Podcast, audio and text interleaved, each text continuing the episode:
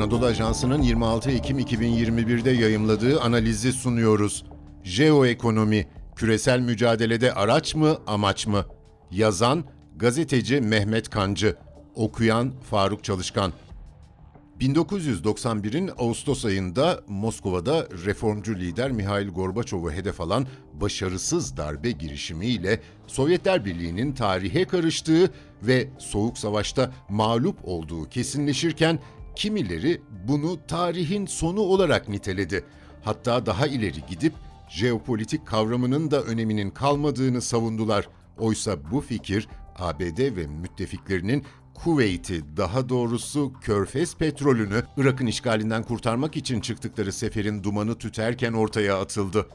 Bu görüşün taraftarlarına göre jeopolitik de Soğuk Savaş'la beraber tarihe karışmıştı ve artık Soğuk Savaş'ın galiplerinin odak noktası jeoekonomi olmalıydı. Uluslararası ekonomi, jeopolitik ve strateji üçlüsü jeoekonomik yaklaşımın hizmetinde değerlendirilmeliydi.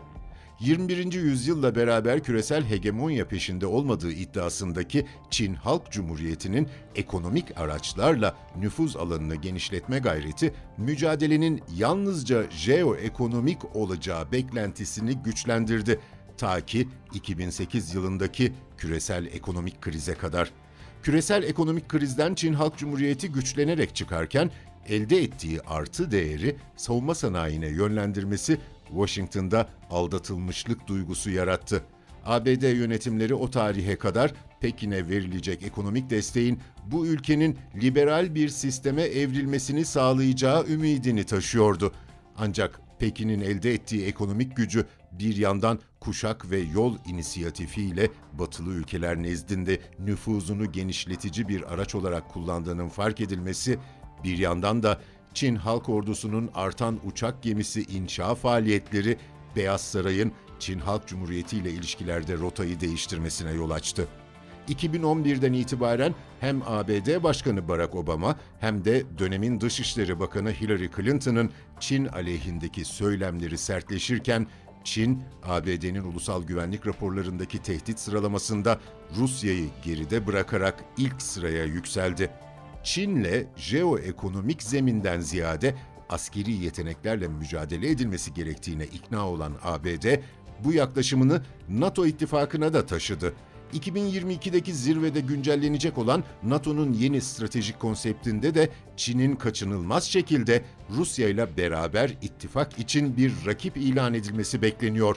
ABD bu süreçte dünyanın içinde bulunduğu enerji ve tedarik krizi gibi sorunları kendisi için fırsata çevirerek jeoekonomiyi uzun vadeli jeopolitik amaçlarına ulaşmasını sağlayacak bir araç olarak kullanmaya başladı.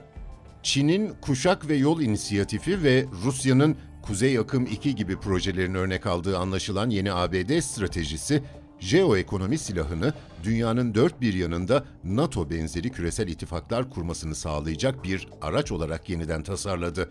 Washington'ın 14 Eylül'de İngiltere ve Avustralya ile ilan ettiği AUKUS ittifakı bunun en yakın tarihteki örneklerinden. Uluslararası kamuoyunun halen Fransa'nın devre dışı bırakılarak Avustralya'ya 8 nükleer denizaltı satışından ibaret ekonomik bir mesele olarak algıladığı gelişmenin Çin'in kuşatılmasına yönelik en kritik jeopolitik hamlelerden biri olduğu ancak 2030 yılında tam olarak idrak edilebilecek özünde ekonomik tabanlı görünen bir başka ittifakın oluşumu da 2013'te Doğu Akdeniz'de başlamıştı. O tarihte Avrupa'nın enerji ihtiyacını karşılamak amacıyla Doğu Akdeniz'deki doğal gaz yataklarından faydalanılması için başlatılan proje, Mısır'daki askeri darbe, Suriye iç savaşı, Türkiye-İsrail ilişkilerinde yaşanan sorunlar, Kıbrıs adasının doğal zenginliklerinin paylaşımı meseleleri çerçevesinde jeopolitik bir soruna dönüştü. Projeden en büyük ekonomik faydayı sağlayacak İsrail, Mısır, Güney Kıbrıs Rum yönetimi ve Yunanistan eş zamanlı olarak Türkiye karşıtlığında birleşti. Bu ülkeler yalnızca enerji alanında değil, savunma alanında da işbirliklerini artırırken Doğu Akdeniz Gaz Forumu adı altında örgütlenen yapıya Afrika ve Akdeniz'de Türkiye ile nüfuz mücadelesine giren Fransa eklendi. Yunanistan'ı silahlandıran ABD gözlemci olarak foruma katılırken Birleşik Arap Emirlikleri de gözlemci olmak için başvuran bir diğer ülkeydi. Böylece jeoekonomik hedefle yola çıkan bu yapı yalnızca 7 yıl içinde Doğu Akdeniz'de Türkiye'nin egemenlik sahasını askeri yollarla kısıtlamayı hedefleyen bir organizasyona dönüştü. ABD'nin enerji ihtiyacı ortak paydasıyla jeoekonomik araçları kullanarak Rusya'ya karşı inşa etmek üzere olduğu bir başka jeopolitik silahsa bugün Baltık Denizi'nden Karadeniz ve Adriyatik Denizi'ne doğru uzanıyor. Benzer şekilde 12 Avrupa ülkesinin enerji güvenliğini sağlamak amacıyla oluşturulan 3 Deniz İnisiyatifi'nin temelleri 2016'da atıldı. 2017'de dönemin ABD Başkanı Donald Trump'ın Polonya'nın başkenti Varşova'da katıldığı zirve toplantısıyla Üç Deniz İnisiyatifi'nin enerji işbirliğinin ötesinde hedefler taşıdığı netleşti.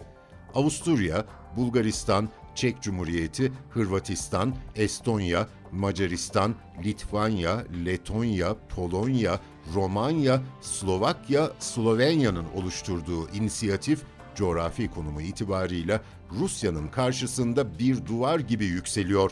ABD'nin NATO'nun doğu kanadını güçlendirme gerekçesiyle Polonya'ya güç kaydırması ve Poznan kentinde 30 milyon dolara mal olacak bir karargah inşa etmesi de bu hat boyunca sıralanan ülkelerin yalnızca enerji işbirliği açısından değil, askeri manada da Rusya'ya karşı kazanacağı öneme işaret ediyor. Nitekim 21 Ekim'deki NATO Savunma Bakanları toplantısı öncesinde ABD Savunma Bakanı Lloyd Austin'in Karadeniz çevresindeki 3 ülkeye yaptığı ziyaret, enerji temelli bu işbirliğinin dönüşeceği savunma yapısına dair taze ipuçları verdi. Gürcistan, Ukrayna ve Romanya'da temaslarda bulunan ABD Savunma Bakanı, Rusya'nın Karadeniz'deki faaliyetlerinin bölge ülkelerinin ekonomisi için tehdit oluşturduğunu savunurken, Karadeniz'in hem NATO'nun doğu kanadı hem de ABD'nin ulusal güvenliği açısından önem taşıdığına dikkati çekti. Lloyd'un bu açıklamalarıyla eş zamanlı olarak Avrupa Birliği'nden ayrılmasının ertesinde Hint-Pasifik bölgesindeki donanma faaliyetleri vasıtasıyla ABD'nin küresel ölçekte yeniden en büyük müttefiki haline geldiği anlaşılan İngiltere'nin Genelkurmay Başkanı da Karadeniz'in yakın gelecekte kazanacağı jeopolitik kimliğe işaret etti. NATO'nun merkezi bir rol oynayacağı geçici koalisyonlar kurmak lazım. Karadeniz ülkelerinin katılımıyla AUKUS'a benzer ittifakların ortaya çıkması olasıdır. Karadeniz konusunda dikkatli olunmalıdır diyen İngiltere Genelkurmay Başkanı Nicholas Carter, jeoekonomik görünümlü bir yapının daha askeri ve siyasi hedefler için jeopolitik bir silaha dönüştürüleceğinin mesajını iletiyordu.